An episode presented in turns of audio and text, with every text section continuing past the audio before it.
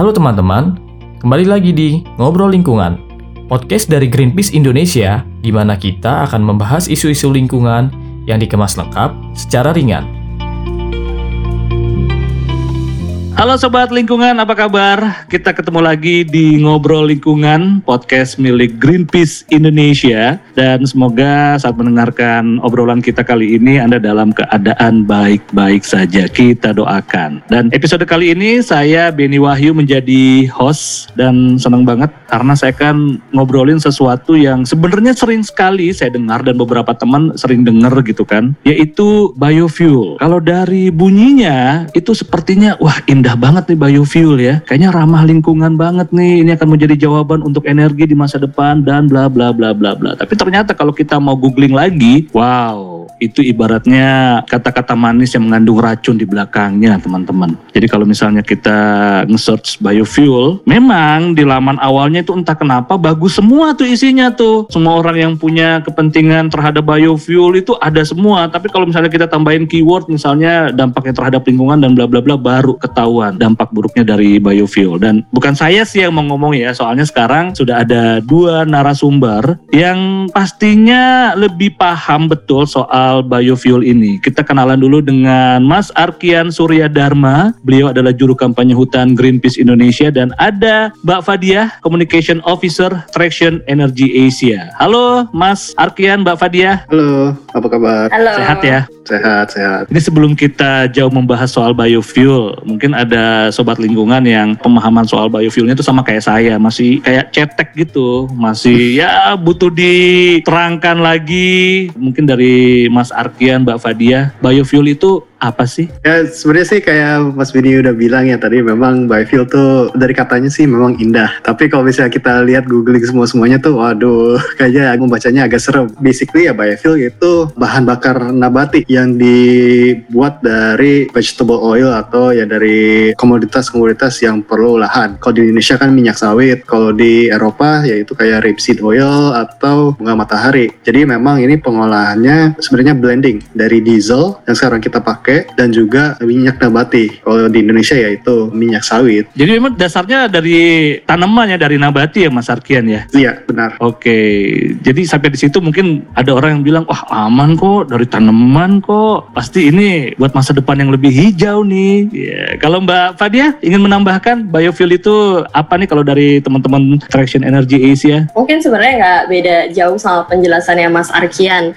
Tapi yang jelas biodiesel ini posisinya sekarang lagi jadi uh, program strategis pemerintah dan posisinya saat ini dia lagi jadi pengganti dari minyak solar ke biodiesel, industri biodiesel di Indonesia. Dan tadi uh, sempat nyinggung soal kalau googling biodiesel di Indonesia tuh serem yang keluar loh. Justru biodiesel kalau di googling tuh bagus-bagus loh mas. Mm -hmm. uh, baik untuk ekonomi, yeah. baik untuk lingkungan dan seterusnya.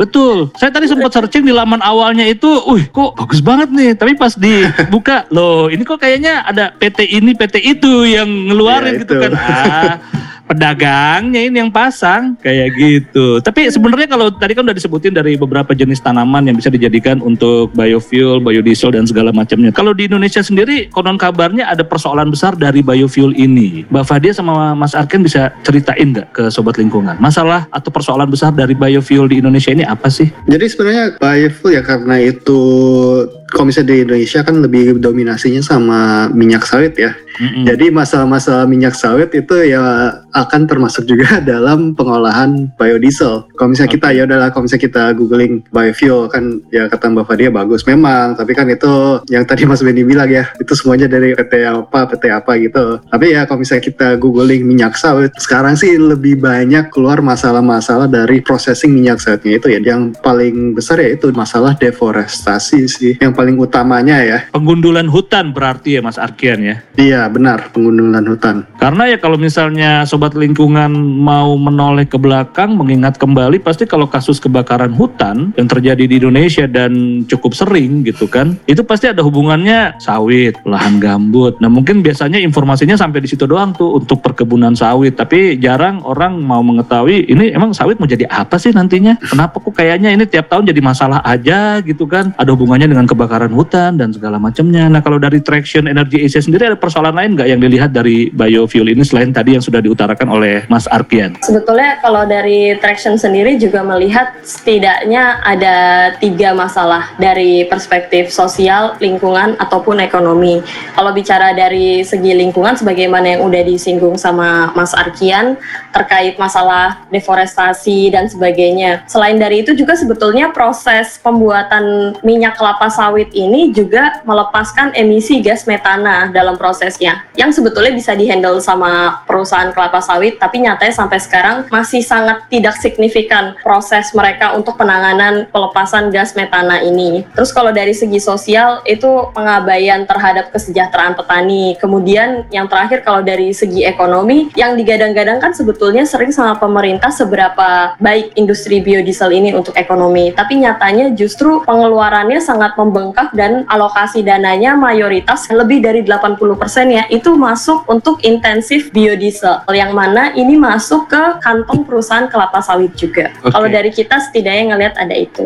Oke, tadi kan kalau nggak salah yang di pertama itu penanganan yang tidak optimal dari perusahaan yang memang menangani proses pembuatan biodiesel ini ya Mbak Fadiah ya. Itu apa yang menghalangi yeah. mereka sampai tidak optimal seperti itu? Apakah cost kah atau keuntungan besar sekali yang mereka incar kah atau apakah? Nah, kalau itu sebetulnya prosesnya nggak sebegitu menyulitkan ya kalau dibandingkan dengan kerugian yang diakibatkan saat adanya pelepasan gas metana yang besar ke lingkungan. Dan dari pihak Aprobi pun sebetulnya tahun lalu sudah bilang bahwa ya kita akan segera meningkatkan penggunaan alat pemasang penangkap metana ini. Pernyataan-pernyataan positif seperti itu sebetulnya dikeluarkan oleh pihak pemerintah maupun pengusaha kelapa sawit. Tapi nyatanya mereka tidak mengaplikasikannya itu yang jadi masalah dan alasannya kenapa uh, saya juga nggak tahu mas.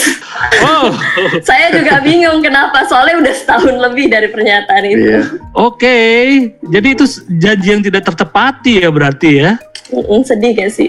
iya, sedih banget dijanjiin baru nggak ditepati. Ternyata terhadap lingkungan itu sangat berbahaya ya. Dan tadi sempat untuk petani juga. Ini kenapa tiba-tiba disebut untuk petani sawitnya sendiri justru tidak mendatangkan kesejahteraan padahal hasil dari biodiesel, dari sawit dan segala macam itu begitu luar biasa sampai pemerintah tadi sampai menjadikan katanya ini akan menjadi sesuatu yang strategis untuk pendapatan negeri ini. Kenapa tuh Mas Arkian? Kalau misalnya tentang petani ya kita lihat banyak banget ya kayak Serikat Petani Sawit tuh yang masih aja komplain tentang ketidaksamaan caring pemerintah dengan perusahaan ya. Sebenarnya tuh pemerintah sudah ada namanya BPDPKS atau Badan Pengelolaan Kelapa Sawit di mana mereka mempunyai dana untuk menyupport petani dan lain-lainnya untuk lebih produktif. Tetapi kalau misalnya kita lihat ini kan udah ada beberapa berita seperti dari Tempo dan lain-lain itu menyinggung bahwa kayak seperti 80% dari dana tersebut itu untuk subsidi atau riset untuk biodiesel sebenarnya tuh dana ini seharusnya tuh untuk petani tetapi ya petani ini uh, sebenarnya ya kalau misalnya kita lihat tuh banyak sekali petani yang mengeluh karena dananya belum dapat atau belum mengerti tentang dananya atau memang dipersulit sih kalau misalnya untuk mendapatkan dana tersebut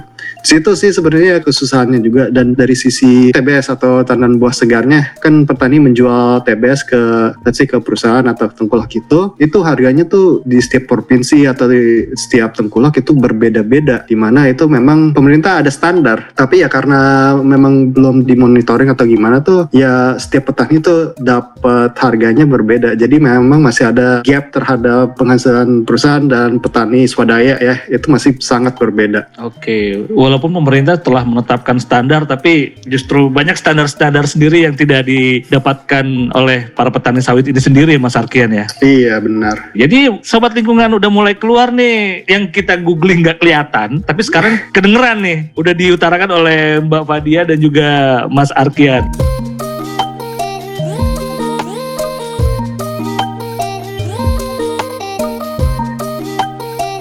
Nah, kita masih di ngobrol lingkungan bersama dua tamu kita, sobat lingkungan yang akan menemani sobat lingkungan menambah pengetahuan tentang biofuel supaya kalau misalnya sekarang ada yang nge-googling pasti ada yang mendapatkan yang saya dapatkan waktu saya mencari tentang biofuel. Itu baik-baik semua, bagus-bagus semua. Ibaratnya kalau komputer tuh wallpapernya bagus banget gitu kan, gambar pemandangan yang indah-indah gitu kan. Pas kita klik sesuatu udah mulai ngadat tuh komputer kita ketahuan masalahnya kayak gini, kayak gini, kayak gini. Nah, kita ke kembali ke persoalan sawit ini kan banyak nih kampanye yang sudah dilakukan tentang efek buruk sawit ini. Tapi di sisi lain kampanye pro sawit juga banyak. Mungkin yang ketemu di halaman awal-awal kalau kita ke googling itu mungkin salah satu bentuk kampanye baik sawit itu kali ya Mbak Fadia, Mas Arkian ya. Iya. Di medsos itu kan sempat beberapa waktu lalu ada hashtag yang jadi obrolan banyak orang mulai dari seleb tweet yang mungkin paham tentang tidak baiknya sawit gara-gara lo semua ngobrolin ini akhirnya yang berantemnya yang ke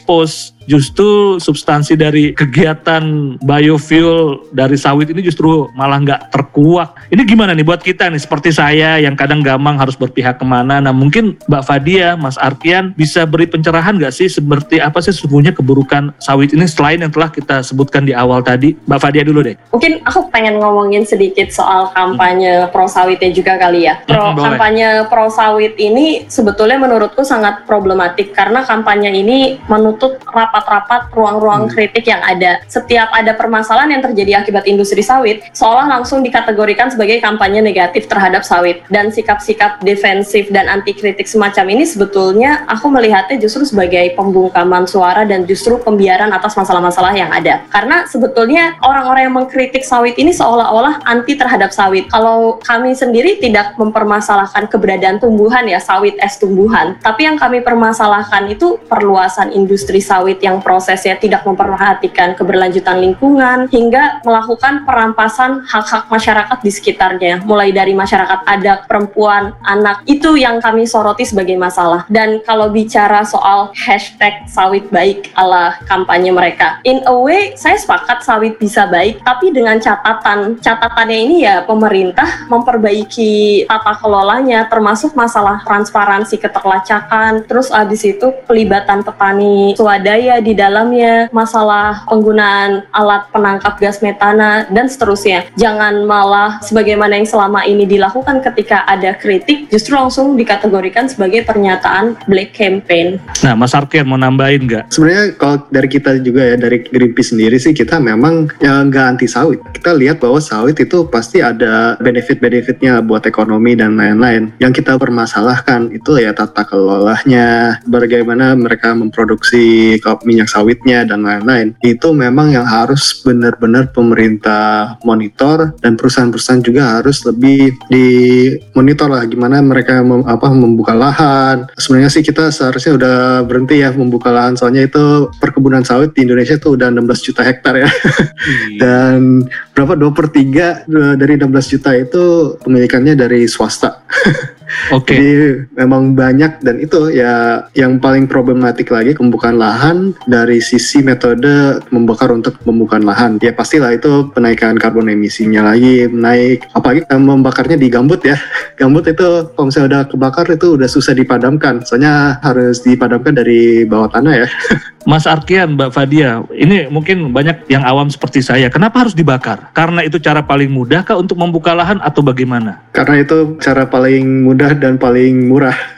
Oke. Okay. Dan tadi Mbak Fadia sama Mas Argen saya mendapatkan kalau memang setuju kalau pemerintah yang harus memperkuat monitoring terhadap proses ini. Nah ini kenapa? Ada penjelasan nggak kenapa sampai sekarang pemerintah melakukan pembiaran, monitoringnya tidak ketat dan lain-lain? Ya mungkin karena pemerintah ya kalau misalnya kita lihat itu sawit kita eh, Indonesia adalah salah satu eksportir terbesar minyak sawit di dunia ya. Jadi yang pemerintah itu sangat rely pada industri sawit untuk ekonomi Indonesia. Makanya itu kadang-kadang ya kita lihat oh oh ini banyak sekali kita mendorong sawit di internasional ya karena itu. Kita ingin mengeluarkan produk Indonesia uh, yaitu minyak sawit ke dunia. Dan banyak sekali orang yang pakai minyak sawit. Bukan hanya di transportasi tapi kan ada di makanan kita di kosmetik dan lain-lain. Kan itu juga masih sangat memakai minyak sawit. Kalau misalnya kita lihat dari biofuel juga sendiri dari beberapa tahun yang lalu itu kan biofuel dari minyak sawit masih dipakai di Eropa. Eropa sekarang udah mulai ingin mengurangi uh, biofuel mereka mereka di transportasi. Itu sih kalau misalnya kita lihat nih gitu dan juga banyak sekali yang kita lihat di DPR, anggota-anggota DPR atau juga menteri itu mempunyai usaha di industri sawit. Banyak sekali anggota DPR yang mempunyai perusahaan ya.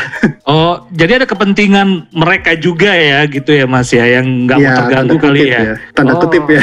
Tanda kutip ya. Yeah. Soalnya kan dari tadi ya Mbak Fadia, Mas Arkian berapa kali menyebut pemerintah tuh sebenarnya sudah begini, sudah begitu, tapi ternyata kenyataan di lapangan ya masih masih banyak suara-suara dari teman-teman yang peduli lingkungan dan itu selalu menyuarakan ini merusak lo merusak lo karena sudah begini karena sudah begitu tapi sepertinya pemerintah sempat bilang kalau ini akan mendatangkan banyak devisa dan segala macamnya. Jadi gimana nih Mbak Fadia Mas Arkian pertanyaan saya buat kita nih orang awam ini gimana untuk menentukan sikap sebaiknya terhadap sawit biofuel ini? Sebetulnya ada beberapa hal yang bisa dilakukan termasuk dengan cara mensuplai informasi terhadap diri sendiri dan mendiskusikannya ke orang-orang di sekitarnya. Tapi yang jelas ketika bicara soal masalah sawit, lebih baik ketika bicara masalah informasi terkait sawit itu nggak hanya dari based on pernyataan-pernyataan dari pihak pengusaha dan pihak pemerintah, tapi juga mensuplai banyak informasi dari pihak-pihak yang sebetulnya terkait langsung sama industri sawit as in petani petani, masyarakat adat, dan masyarakat yang terdampak atau terlibat dalam industri sawit ini yang jauh melampaui hanya sebatas pengusaha dan pemerintah.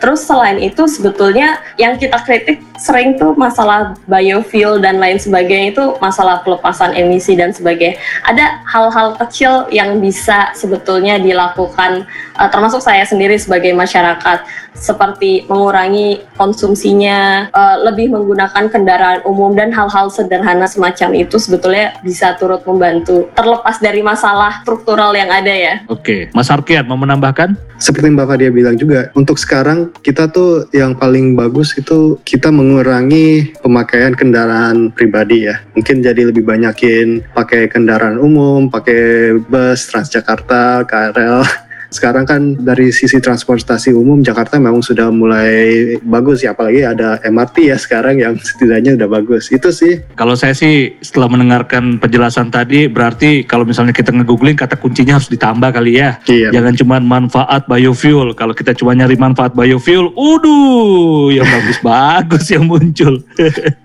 Oke. Okay.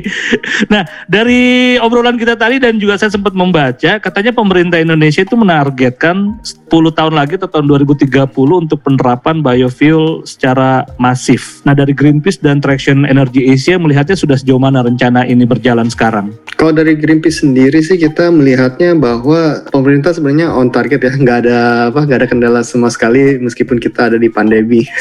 kita lihat bahwa kayak dari 2018 atau 2019 kan itu udah B20 ya, dan tahun ini B30, tahun depan kalau misalnya memang masih apa masih lanjut ya B B40 setelah itu ya B50 dan seterusnya. Ada juga namanya green diesel nanti juga dicampur-campur lagi. Nah itu jadi semakin rumit lagi sih. Jadi untuk sementara sih kalau misalnya kita lihat dari berita-berita dari pemerintah yang memang mereka sih gaspol ya kalau pakai bahasa Gen Z ya gaspol. Nah, oke okay. kalau Mbak Fadia mau nambahin nggak Mbak? Sebetulnya nggak jauh beda sih sama Mas Arkian. Cuma kalau kami juga melihatnya terlepas dari ya mereka sangat gaspol dan terlihat sangat antusias juga apalagi kalau ngelihat pernyataan-pernyataan dari Pak Erlangga ya. Tapi kita juga melihat bahwa mereka seolah bergerak tuh tanpa ada perencanaan yang utuh untuk penerapan ini. Jadi langkah-langkah atau kebijakan yang mereka buat itu sifatnya lebih banyak reaktif atau melihat kondisi saat itu.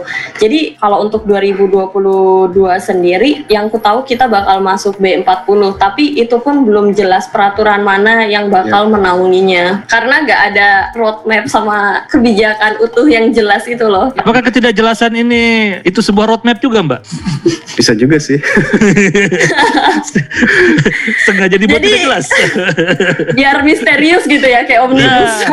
Uh, Oke, okay. Mas Arkan tadi mau menambahkan apa Mas? Ya itu yang kayak ketidakjelasan. Satu sisi pas tahun 2019 mengeluarkan permen ya, permen tentang kendaraan listrik. Nah itu juga satu faktor lagi yang harus di lihat ya, ini satu sisi pemerintah mendorong biofuel, tetapi satu sisi mereka juga mendorong kendaraan listrik. Nah itu kan yang agak pusing ya, mau mau pakai yang mana? Yang itu yang tadi Bapak dia bilang, roadmapnya ke mana sih? Mau kendaraan listrik atau masih pakai biofuel? Itu kan hmm. yang seharusnya sudah jelas ya dari awal daripada kita investasi ke satu sisi yang sebenarnya banyak ya itu aset-asetnya kayak kilang-kilang kan itu setiap ada B-nya sendiri kan itu harus beda kilang ya. Oke. gitu. Kita nggak bisa bilang sesuatu ya. Apa ya? Hmm. Besar sekali sepertinya ya. Ini entah ini besar secara manfaatnya atau itu juga manfaatnya entah itu buat orang banyak atau orang-orang tertentu atau gimana. Ini kenapa? Banyak sekali pembicaraan tentang biofuel sampai hari ini. Bahkan sampai ketidakjelasan ini gara-gara biofuel juga kan ini. Eh, kalau menurut saya sendiri sih memang ini besar ya karena eh, dari periode Pak Jokowi yang dari 2015 ini memang sangat didorong agresif. Soalnya ini kebijakan biodiesel sendiri itu memang dari 2006 ya dari zamannya Pak SBY. Tapi pas zamannya Pak Jokowi itu baru didorong sampai ya B30, B50 gitu. Pas zamannya SBY itu yang pas tahun 2006 2008 itu blendingnya tuh B20 seingat saya tuh targetnya pada tahun 2025 ya. Jadi kan kelihatan banget ya itu jauh banget ya dari B20 sampai 2025 tapi ini sekarang 2025 bisa aja lebih 50 atau lebih tinggi lagi. Sama ya itu demand-nya dari bukan hanya dari makanan dan kosmetik sekarang tapi kan dari Oke. transportasi juga. Nah, langkah-langkah yang dilakukan oleh Greenpeace dan Traction Energy Asia untuk setidaknya meminimalisir efek-efek buruk dari rencana yang tadi apa nih, Mas Arkian, Mbak Fadia? Teman-teman bikin apa nih? Kalau GP sendiri sih kita November ya, November pertengahan itu akan mengeluarkan laporan. Laporan kita sih lebih memfokuskan dampak ekonomi biodiesel terhadap ekonomi Indonesia. Jadi kita lihat klaim-klaim pemerintah membilang bahwa oh ini biodiesel sebenarnya menghemat, soalnya kan kita subsidi energi ya, subsidi solar tuh banyak. Jadi biodiesel ini sebenarnya menghemat pembelian solar. Nah kita lihat itu apakah itu benar dari sisi ekonomi dan juga ya pasti ada penambahan dari sisi lingkungan sih. Untuk sementara sih memang kita baby step dulu ya. Oke, berarti akan ada laporan dari teman-teman Greenpeace yang akan rilis di bulan November nanti ya, Mas Arkian ya. Ya, Nah, Mbak Fadia, kalau dari Traction Energy Asia sendiri, langkah-langkah apa yang dilakukan untuk meminimalisir efek-efek buruk dari rencana-rencana yang mungkin dianggap kurang matang terhadap biofuel ini? Kalau dari Traction sendiri, karena lembaga ini fokusnya di riset, jadi kami lebih banyak membuat penelitian-penelitian atau membuat policy paper seputar masalah energi termasuk khususnya biodiesel ini. Penelitian awal kami terkait biodiesel itu sekitar tahun 2018, itu kita memperhitungkan emisi-emisi yang sebetulnya dikeluarkan dari industri biodiesel ini. Dan justru perhitungan kami menunjukkan emisinya ini masih sangat besar, bahkan jika dilihat dari proses pembuatan hingga penggunaan, itu masih lebih banyak ketimbang kita menggunakan solar. Walaupun bukan berarti penggunaan solar itu baik juga. Eh, hasil penelitian ini juga membantah klaim-klaim pemerintah bahwa biodiesel ini justru baik untuk pengurangan emisi, untuk masalah lingkungan dan sebagainya. Kemudian kami juga sempat tahun ini bikin penelitian soal gimana posisi petani di industri biodiesel dan kita melihat bahwa kesejahteraan petani ini masih minim dan belum ada pelibatan terhadap petani. Jadi lebih baik kita saat ini lebih banyak membuat policy paper atau penelitian-penelitian terkait biodiesel dan penelitian terakhir kami itu mendorong salah satunya agar petani swadaya ini bisa ditempatkan dalam rantai pasok biodiesel. Salah satunya itu.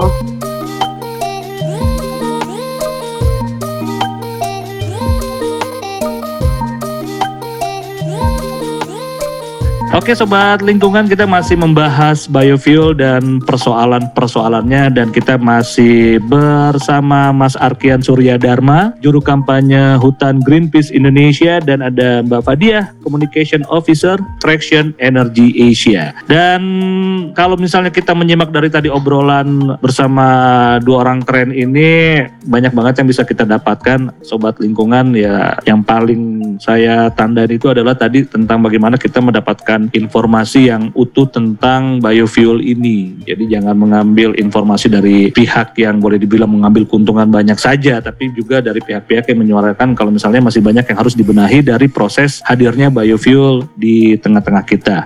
Nah, kalau menurut teman-teman Greenpeace dan Traction Energy Asia, biofuel ini idealnya seperti apa sih? Dari Mas Arkian dulu coba. Idealnya, kalau misalnya dari kita sih idealnya itu untuk tidak memakai ya. itu kan ideal kita. Oke, untuk tidak memakai selamanya atau saat ini saja karena masih bermasalah prosesnya, Mas Arkian? Kalau memang masih ada demand-nya, pasti ada uh, resiko untuk perlepasan lahan ya. Pembukaan lahan Oke. itu pasti masih ada. Kita inginnya lebih ke renewable energy yang lebih baik ya, seperti solar apa? Bukan solar sorry, surya ya solar ya ke Inggrisnya. Atau enggak ya angin wind wind energy yang sebenarnya itu dari sisi source-nya juga ya enggak bakal habis-habis ya. Mat kalau misalnya matahari ya pasti enggak bakal habis, angin apalagi ya kayak gitu-gitu ya lebih renewable energy. Soalnya kalau kita lihat ya itu dari tanaman. Tanaman kalau misalnya demand-nya lebih tinggi itu ya pasti akan membutuhkan lahan lebih banyak. Kalau misalnya ada demand lebih banyak daripada supply ya pasti akhir-akhirnya pembukaan lahan. Itu sih yang kita khawatirkan dengan biodieselnya sendiri. Kalau Mbak Fadia dari Traction Energy Asia sendiri, Kalau dari Traction Energy Asia sendiri sebetulnya lebih berharap bahwa biodiesel ini pada akhirnya dijadikan sebagai transisi untuk menuju energi yang lebih terbarukan, lebih bersih. Uh, as in yang tadi sebetulnya Mas Arkian jabarkan. Terus kita juga melihat bahwa kalaupun sekarang ada industri biodiesel sebelum pemerintah ngegas lebih jauh seharusnya pemerintah justru mundur mundur ke B20 ke B10 karena sejauh ini justru masih banyak meninggalkan permasalahan. Jadi sebelum tergesa-gesa seharusnya pemerintah lebih banyak refleksi mundur dulu dan uh, memperbaiki tata kelolanya. Terus selain itu kalau kita melihat kuncinya itu sebenarnya ketika bicara soal penyediaan bahan baku energi itu perlu ada bahan baku yang mix as in kita juga perlu ngembangin generasi kedua, generasi ketiga seperti dari limbah, minyak jelantah dan seterusnya. Oke, jadi pemerintah kalau menurut Mbak Fadia sendiri tadi coba aja mundur terus memperbaiki tata kelolanya ya. Iya, jangan malah ngegas sampai Jangan- B40 Iya. sebelum ada pemetaan dampak yang jelas dan penanganannya. Tapi bisa nggak pemerintah melakukan itu? Bisa-bisa aja kalau misalnya Mau fokus ya. Ah, Iya, ya itu bedanya. Berarti kan bisa, tapi pertanyaan berikutnya mau apa enggaknya ya? Oke, oke. Nah, kalau tadi kan walaupun kita udah jelas ya, Greenpeace itu pasti menolak sekali biofuel ini sangat menolak karena kalau masih ada permintaan, apalagi ini dari tanaman, pasti akan ada lahan yang dibuka dan ya lihat aja sekarang udah dampaknya luar biasa buruk terhadap lingkungan kita. Nah, kalau buat kami nih orang-orang awam nih, buat sobat lingkungan yang mungkin juga masih harus bergantung dengan biofuel ini gimana nih cara kita untuk meredam bahkan kalau perlu kita harus tidak bergantung sama biofuel ini. Ada saran nggak atau mungkin ada insight nggak dari Mbak Fadia dan Mas Arkian untuk kita sobat lingkungan? Ya kembali lagi yang kayak seperti kita bilang ya kurangin lah pakai kendaraan pribadi, pakai kendaraan umum yang setidaknya mengurangi demand ya. Bersepeda lah, sekarang kan lagi ngetren sepeda-sepeda ya. Atau skate. ya itu dia. atau kayak saya lari ke kantor, Ah, benar. numpang mandi di kantor. Oke, Mbak Fadia ingin menambahkan. Mungkin nggak jauh beda juga sama Mas Arkian. Kalau mau agak niat dikit, sebetulnya kita juga bisa bikin produksi tandingan kayak lewat minyak jelantah atau apa. Dan itu sebetulnya gampang dicari lewat YouTube. Ini kalau agak effort dikit ya. Dicari lewat YouTube gimana cara membuat biodiesel pakai minyak jelantah itu banyak yang keluar. Dan itu lebih ramah lingkungan. Iya kan dari kayak kalian abis masak minyaknya tuh Sisa biasanya minyak ya? sih? Iya. Ah, benar. Jangan dibuang ke got. Bisa ternyata jadi biodiesel Iya. itu. Iya. lingkungan. Ah, kalau dibuang ke got, waduh, lingkungan kita lagi yang tercemar ya. Nah ini terakhir ada yang ingin disampaikan nggak oleh Mas Arkian Surya Dharma dan Mbak Fadia terhadap sobat lingkungan yang menyimak obrolan kita tentang biofuel kali ini. Mungkin dari Mbak Fadia dulu. Kalau dari aku mungkin bisa sama-sama lebih banyak mendiskusikan soal biodiesel ini dari perspektif yang beragam, nggak hanya dari perspektif yang selama ini disodorkan oleh pemerintah. Dan kalau mau lebih jauh lagi, kita bisa mungkin ke depannya rame-rame mengupayakan atau mendorong pemerintah agar membangun kebijakan yang lebih better untuk lingkungan kita dan untuk masyarakat juga. Oke, amin. Semoga kejadian dalam waktu dekat ya. Oke, Mas Arkian Surya Dharma dari Greenpeace Indonesia. Iya, mungkin hampir sama ya. Ya kita sebarlah eh, informasi-informasi tentang biodiesel bukan hanya dari em, satu source yang let's say dari pemerintah atau dari perusahaan Aprobi atau Gapki, tapi kita lihat lah dari sisi petani, dari sisi lingkungan dan lain-lain. Jangan hanya melihat dari sisi kita saja, tapi kita harus lihat dari sisi surrounding kita juga. Soalnya itu yang paling penting ya. Soalnya kita mempunyai satu bumi ya. Kalau bisa rusak ya, ya mau tinggal di mana lagi kita. Kita hidup Jadi, berkoloni kayak interstellar. Oh mungkin bisa bisa bisa itu. Oke, terima kasih banyak Mbak Fadia, Mas Arkian dan Sobat Lingkungan. Demikian obrolan kita tentang biofuel bersama Arkian Surya Dharma, Juru Kampanye Hutan Greenpeace Indonesia dan juga Fadia Communication Officer Traction Energy Asia. Sampai jumpa di Ngobrol Lingkungan berikutnya. Nah, itu tadi bahasan kita. Jangan lupa share Spotify Podcast Ngobrol Lingkungan di media sosial kamu ya, supaya semakin banyak yang dapat sisi positifnya. Sampai bertemu lagi di Ngobrol Lingkungan selanjutnya.